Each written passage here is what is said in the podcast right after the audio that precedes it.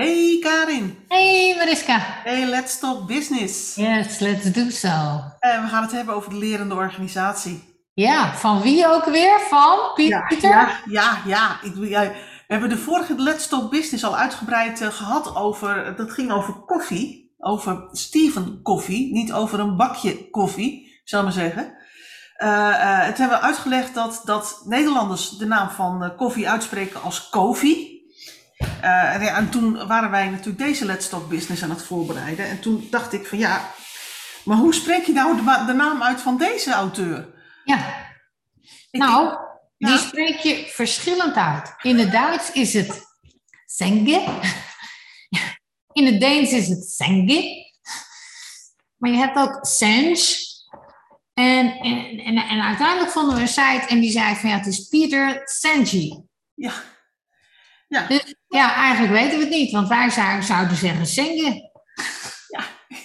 Toch? Ja, en ik, eh, ik, eh, na- zeg maar, na, na mijn ervaring met, eh met koffierijker heb ik altijd zoiets van, ik wil het graag weten hoe, zeg maar, hoe je naam uitspreekt, maar ik, ik, ik, ben er, de- ik noem het dus maar even heel veilig, de lerende organisatie. Ja, maar volgens mij is het Pieter Senji.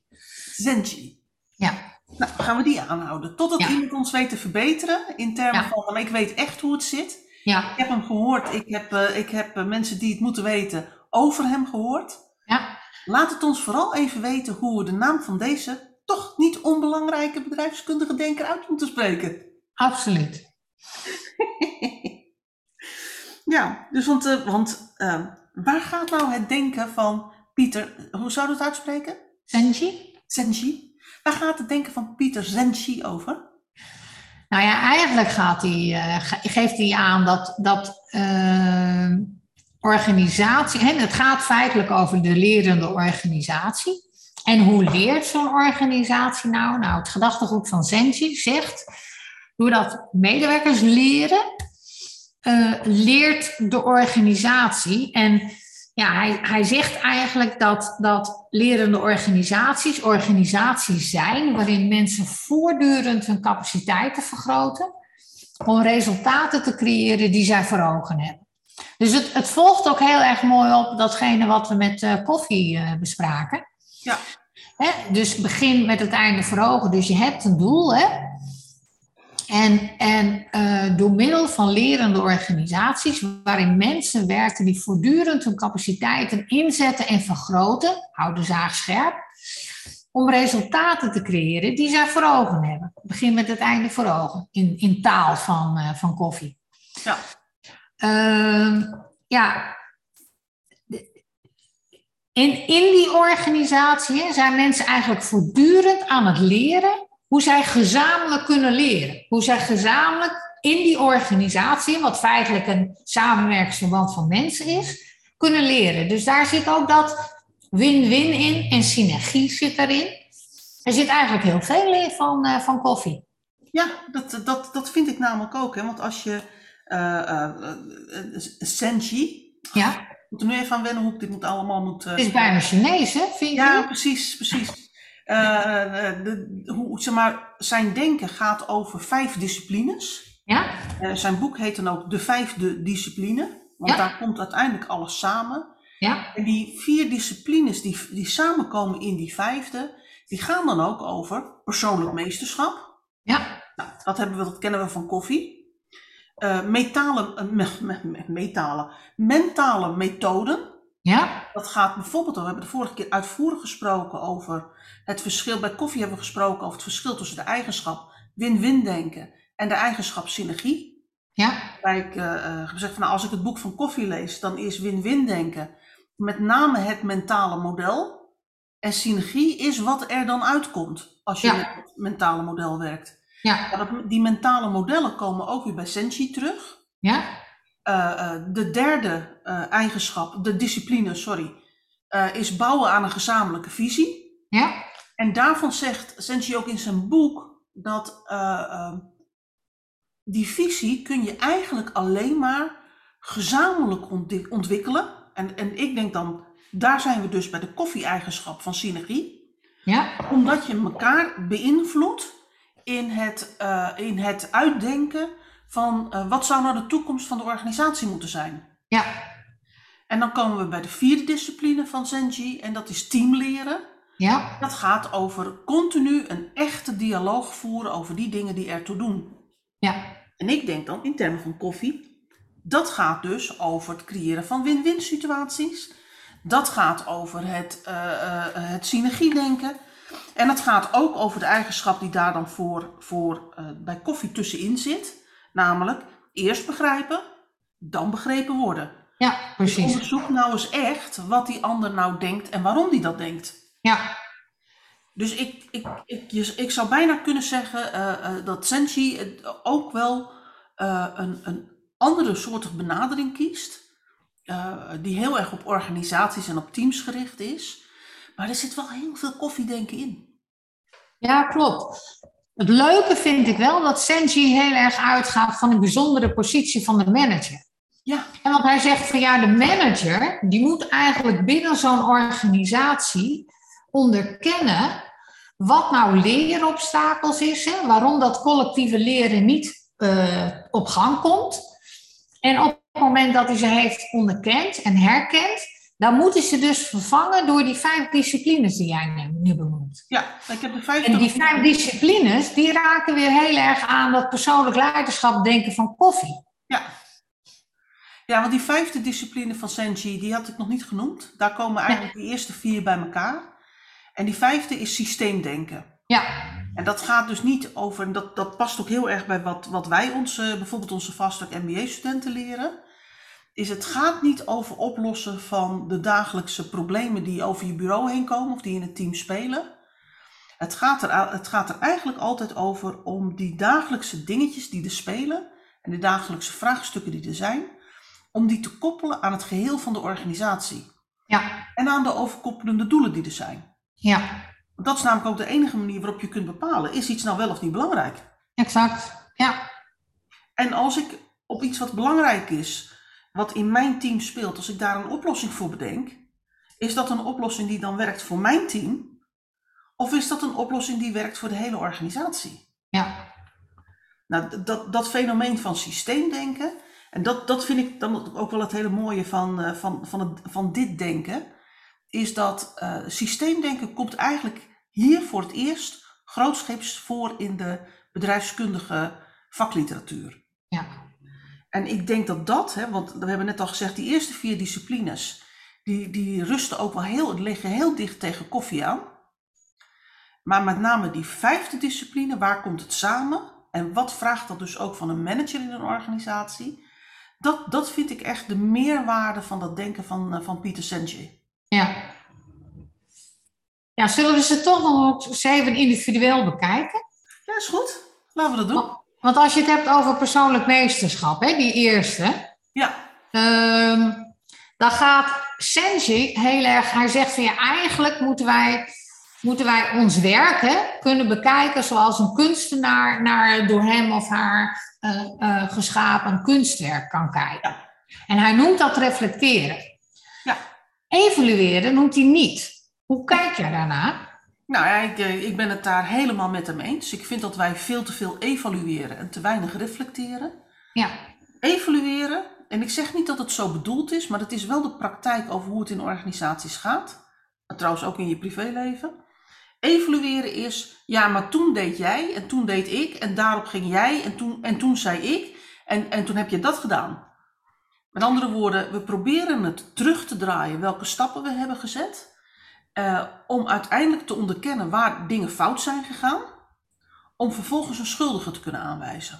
Ja, vaak wordt het zo, zo gaat het vaak, hè? Ja, dat Terwijl is het zo niet is bedoeld, ja. Nee, maar, maar dat is voor mij wat, wat, wat evalueren is. Nogmaals, dat is niet de definitie van evalueren, maar dat is wel de praktijk van evalueren. Uh, terwijl reflecteren gaat heel, er gaat heel ergens anders over. Of nou de uitkomst van wat je gedaan hebt het gewenste is of, het, of nog niet, hè, zal ik maar zeggen. Uh, of misschien wel helemaal een foute uitkomst. Bij reflecteren gaat het erom. Ik, heb een bepaald, ik had een bepaald vraagstuk. Ik heb een bepaalde aanpak gekozen en die heb ik uitgevoerd. Wetende wat ik nu weet. En wat ik dus allemaal gedaan heb en hoe dat heeft uitgepakt. Wat zou ik hiervan kunnen leren voor een volgende keer dat ik hetzelfde vraagstuk krijg? Ja. Dus ik ga niet stappen terughalen. Ik ga ook niet kijken wie, wie wat op welk moment heeft gedaan. En ik ben al helemaal niet geïnteresseerd waar de fouten is ontstaan, als de dingen niet goed zijn gegaan. Reflecteren is altijd gericht op leren, op beter doen. Ja. En, en dat, dat is een, uh, als je nou praat over lerende mensen, lerende professionals, lerende teams, mm -hmm. lerende organisaties, dan is die vaardigheid van reflecteren, dat, dat, is, een, dat is een absolute randvoorwaarde. Dus jij zegt de uitspraak van Einstein, hè? Uh, problemen kunnen niet worden opgelost met het denken wat, ze, wat, wat het ook heeft veroorzaakt. Dat Ja. zit veel meer op de reflectiekant dan op de evaluatiekant. Ja, absoluut. Ja. Hey, en waar, waar zou evalueren dan goed voor zijn? Eh, voor schuldvraag? nee. Kijk, ik kan me voorstellen dat evalueren, maar dan goed gedaan, een onderdeel kan zijn van een reflectieproces. Ja, Want evalueren, als je het goed doet, is, is gewoon feitelijk beschrijven wat hebben we gedaan. ja, En dat kan dus een basis zijn om te zeggen van, joh, weet je maar, als ik nou opnieuw in zo'n soort situatie zou zitten, wat zou ik dan anders doen? bijvoorbeeld. Hè, dan zou stap drie minder effectief zijn en dan moet ik niet linksaf, maar bijvoorbeeld rechtsaf. Precies. Wil ik tot wel het gewenste resultaat komen. maar En als je het zo inzet, ja, dan, dan heeft het een hogere opbrengst dan hoe wij het meestal inzetten. ja, maar dan moet je evalueren zien als een stap in het reflectieproces. Precies. En dus niet als een losstaand iets. Wat Nee. je, nou, we evalueren dit, eh, dit project. Ja. Nou, dan weet je zeker van, eh, dan, dan gaat iemand ergens de schuld van krijgen. Ja. Nou, die krijgt een tip, tik over zijn vingers of een, eh, of een schop onder zijn kont, zal ik maar zeggen.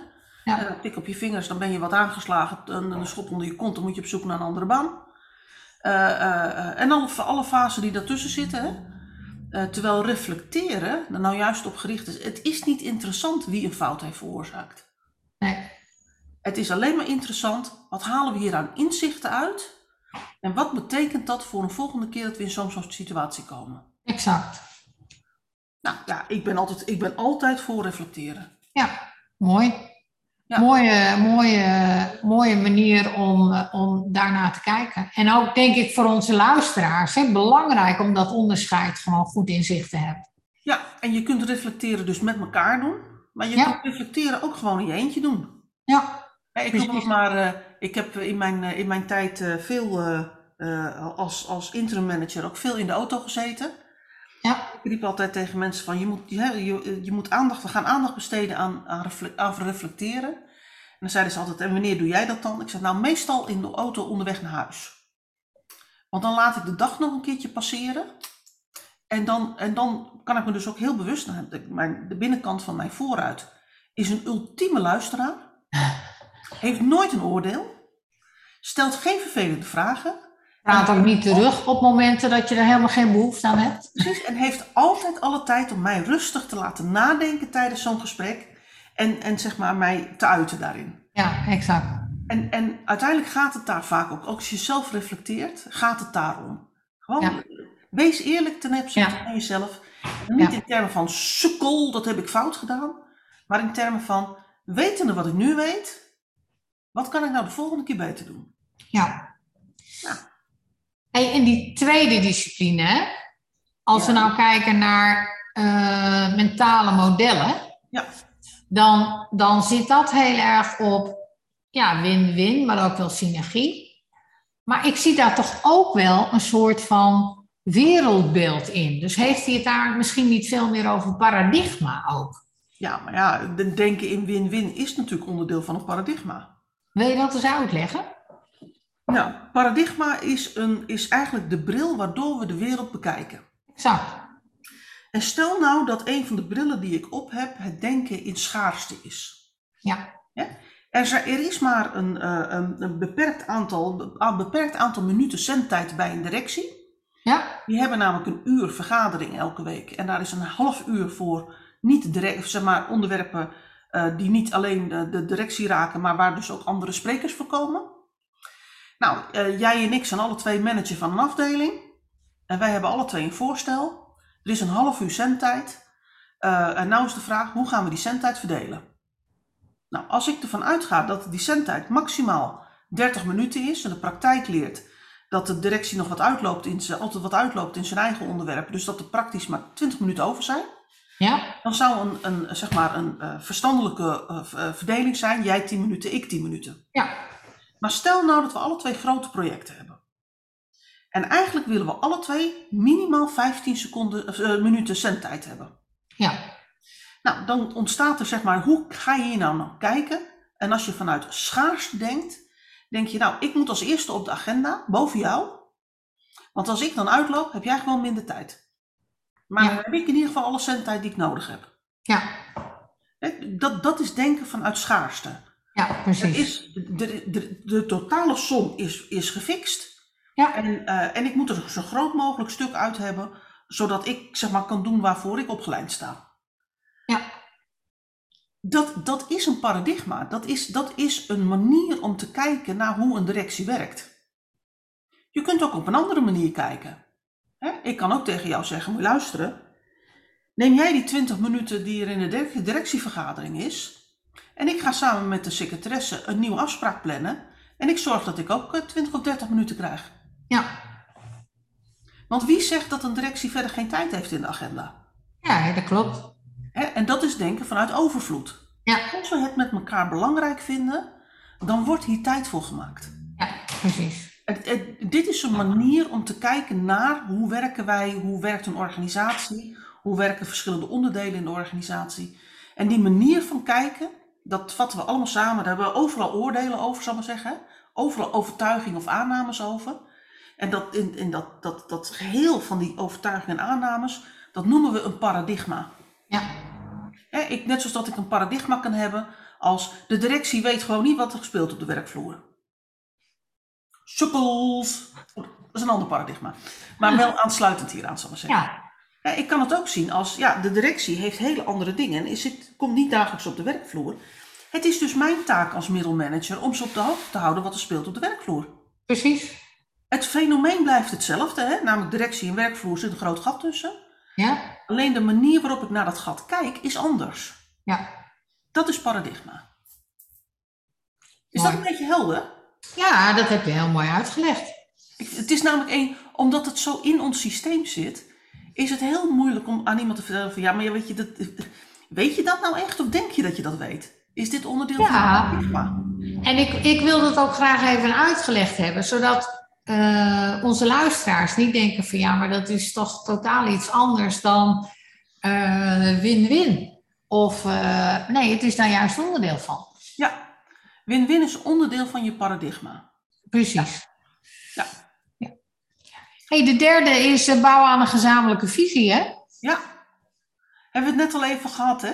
Ja, Is, is het, bij bij eh Senchi gaat het er heel erg over dat, je, dat niet een, een visie wordt ontwikkeld door één iemand in de directie, nee, door een externe adviseur, maar dat het vormen van een visie een interactief proces is van mensen uit de organisatie. ja, En, en dat door, je, door die dialoog hè, die je met elkaar voert, eh, eh, die visie dus ook realiteitsgehalte krijgt. ja, Niet alleen in termen van is die visie ook haalbaar voor onze organisatie, maar is het ook wensbaar? ja. Hoe groot kunnen we dromen? Ja, maar ook, ook ehm, ehm, gaat ook uit van een heel positief mensbeeld. Hè? Ja. Van dat, dat mensen in gezamenlijk iets willen bereiken en willen bouwen. Ja. Eh, en dat van nature ook gaan doen op het moment dat ze die vrijheid krijgen. Ja, en, en het leuke is, en dat, dat vind ik, dat zie je ook wel weer bij Senji terug, is ehm, eh, als je ervan uitgaat dat mensen gezamenlijk zo'n visie bouwen, dat je er eigenlijk ook direct van uit mag gaan dat mensen hun eigen beslissingen in hun werk ook zodanig nemen dat het bijdraagt aan die visie. Precies. En dat, Voorwaarde daarvoor is wel, maar dat zeggen wij ook altijd in elke organisatie, dat mensen bekend moeten zijn met die visie.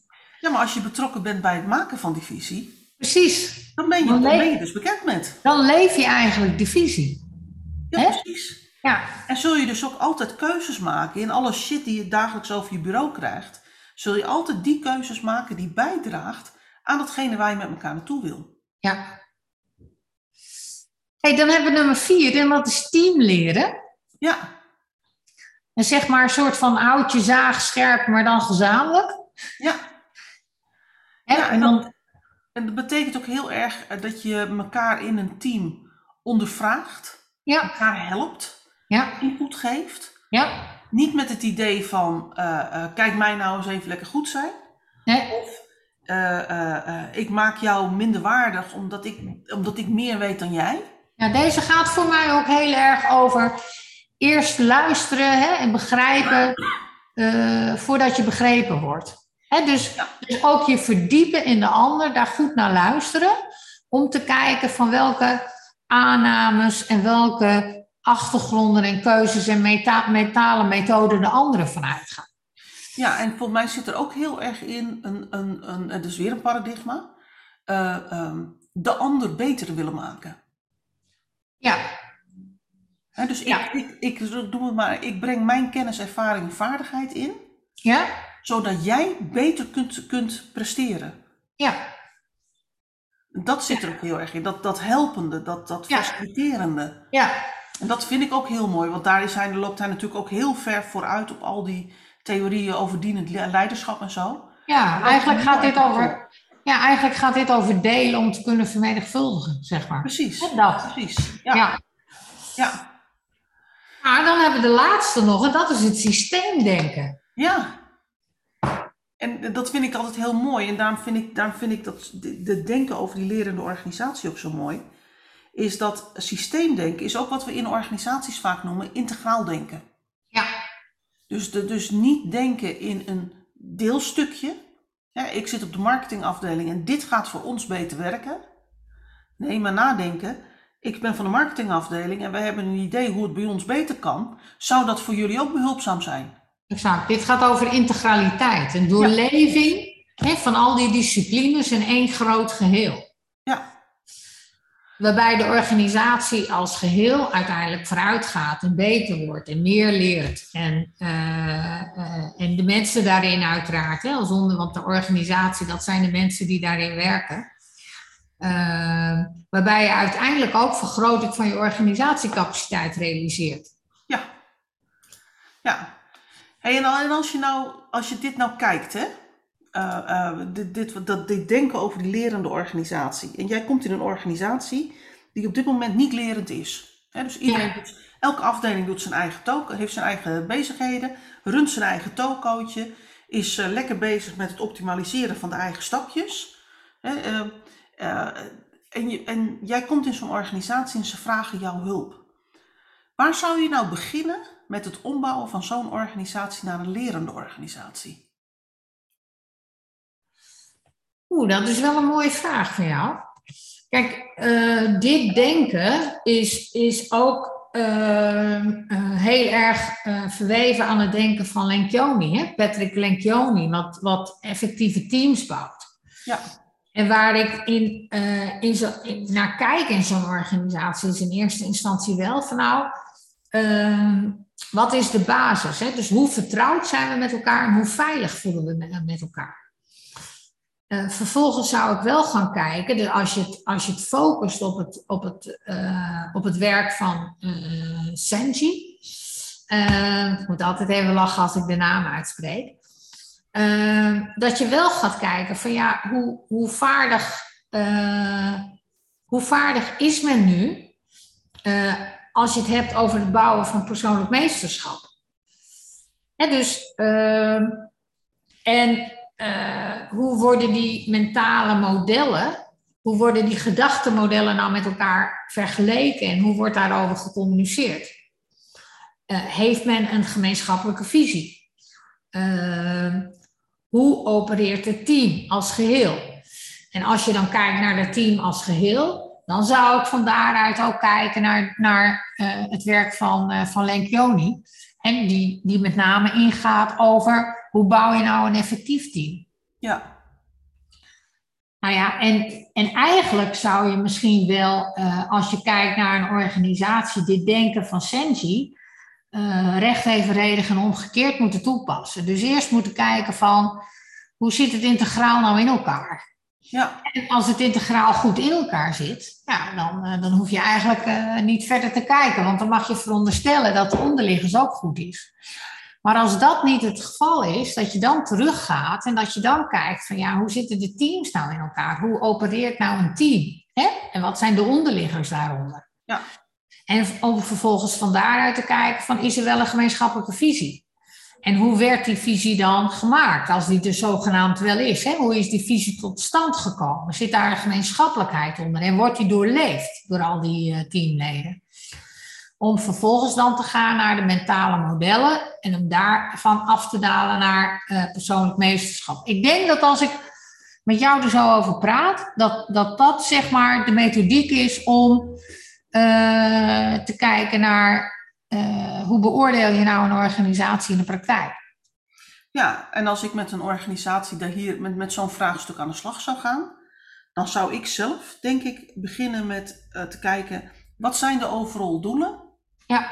En hoe dragen jullie als, als team met jullie doelstellingen bij aan die overal doelen? Ja.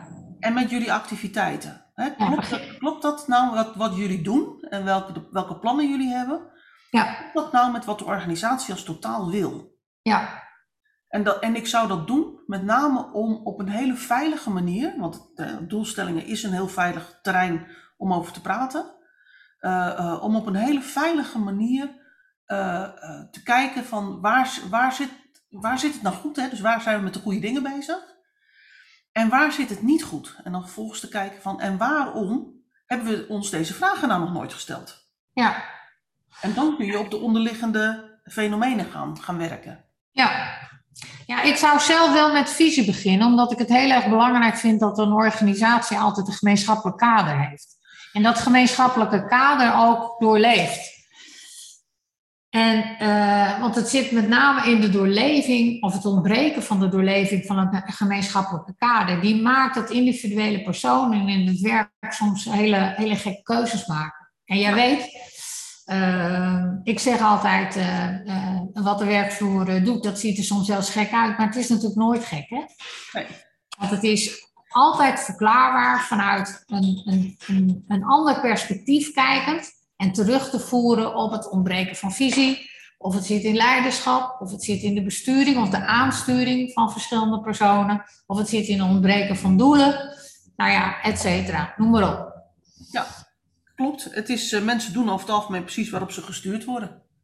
Zo is ja. het. Ja. En, en dat maakt dat ik denk, hè, in, in, in, in de serie die we nu hebben gemaakt deze zomer, en we doen de volgende week nog eentje, maar hè, in ieder geval tot nu toe, we zijn begonnen met strategie, hè? Dus wat is, nou, wat is nou dat overkoepelende? Nou, kun je kijken naar Porter of je kunt kijken volgens Daveni. Eh, om dan vervolgens te kijken van, en als je dan een lange termijn doel hebt of een meerjarig doel hebt, hoe vertaal je die dan naar de organisatie toe? Peter Ja. Vervolgens kijken van, eh, hoe zit dat dan met machtsstructuren in de organisatie? Nou, dan komen we nu bij Mintzburg zijn we geweest. Ja, Uh, als we praten over hoe werkt dat dan in de organisatie en, en, en, en leiderschap is daar een belangrijke rol in. Hebben we vorige week gekeken naar Stephen. Hè? Wat, ja, wat zijn nou die elementen van effectief leiderschap? ja, En dan is het eigenlijk ook een hele logische overstap. Nou, hoe zet je dat leiderschap dan in om die organisatie ook lerend te krijgen? Nou zijn we daar Ja. deze week mee bezig. Dus eigenlijk vind ik het mooie van deze reeks die we deze zomer doen, is dat je ziet dat die verschillende bedrijfskundige denkers eigenlijk een soort van keten eh, produceren aan, aan denken. In, en zo kun je het in een organisatie doen. Dus dat Ja. dit je als manager leidraad in wat is nou belangrijk en, en hoe, hoe ga je nou met verschillende dingen om in je organisatie. ja, En dan vind ik dit, dit zeg maar, de- deze stap in de schakel, hè, dus van een, een klassieke, we herhalen onszelf continu organisatie, naar een lerende organisatie, is natuurlijk met name ook heel belangrijk, omdat de buitenwereld op dit moment zo verschrikkelijk in beweging is. exact. Ja, En ik durf de stelling wel aan dat organisaties die niet de stap maken naar een lerende organisatie, die bestaan over tien jaar niet meer. nee, ik denk dat je daar wel eens gelijk in zou kunnen hebben. Ja, Omdat, omdat die onvoldoende eh, snel kunnen inspringen op die veranderende omstandigheden die zich in de buitenwereld voordoen. ja, En daarmee dus ook de organisatie onvoldoende flexibel maken om daarop in te spelen. Ja. En het is juist die flexibiliteit en die continue drijf tot vernieuwing en aanpassing, wat maakt dat je eh, eh, kunt overleven. Oh, maar nou weet ik ook wel waar we het volgende week over gaan hebben. Hey, Ik weet waar we het volgende week over gaan hebben. Denk jij wat ik denk? Nou, dat weet ik. Ik weet niet wat jij denkt, maar ik denk aan Jim Collins. Ik ook. Good to great. Ja, precies. Want dat Ja. is ook die drive, hè? Ja, Het gaat ook over die drive van continue verbetering. Ja, klopt. Nou, Nou. dat is lijkt me een hele mooie manier om hiermee af te sluiten. Denk ik ook. Oké, hey, we spreken elkaar volgende week. Volgende week. Ik ga een weekje nadenken over eh, Collins. Oké, hartstikke goed. Oké. Tot dan. doei. hè. Doei.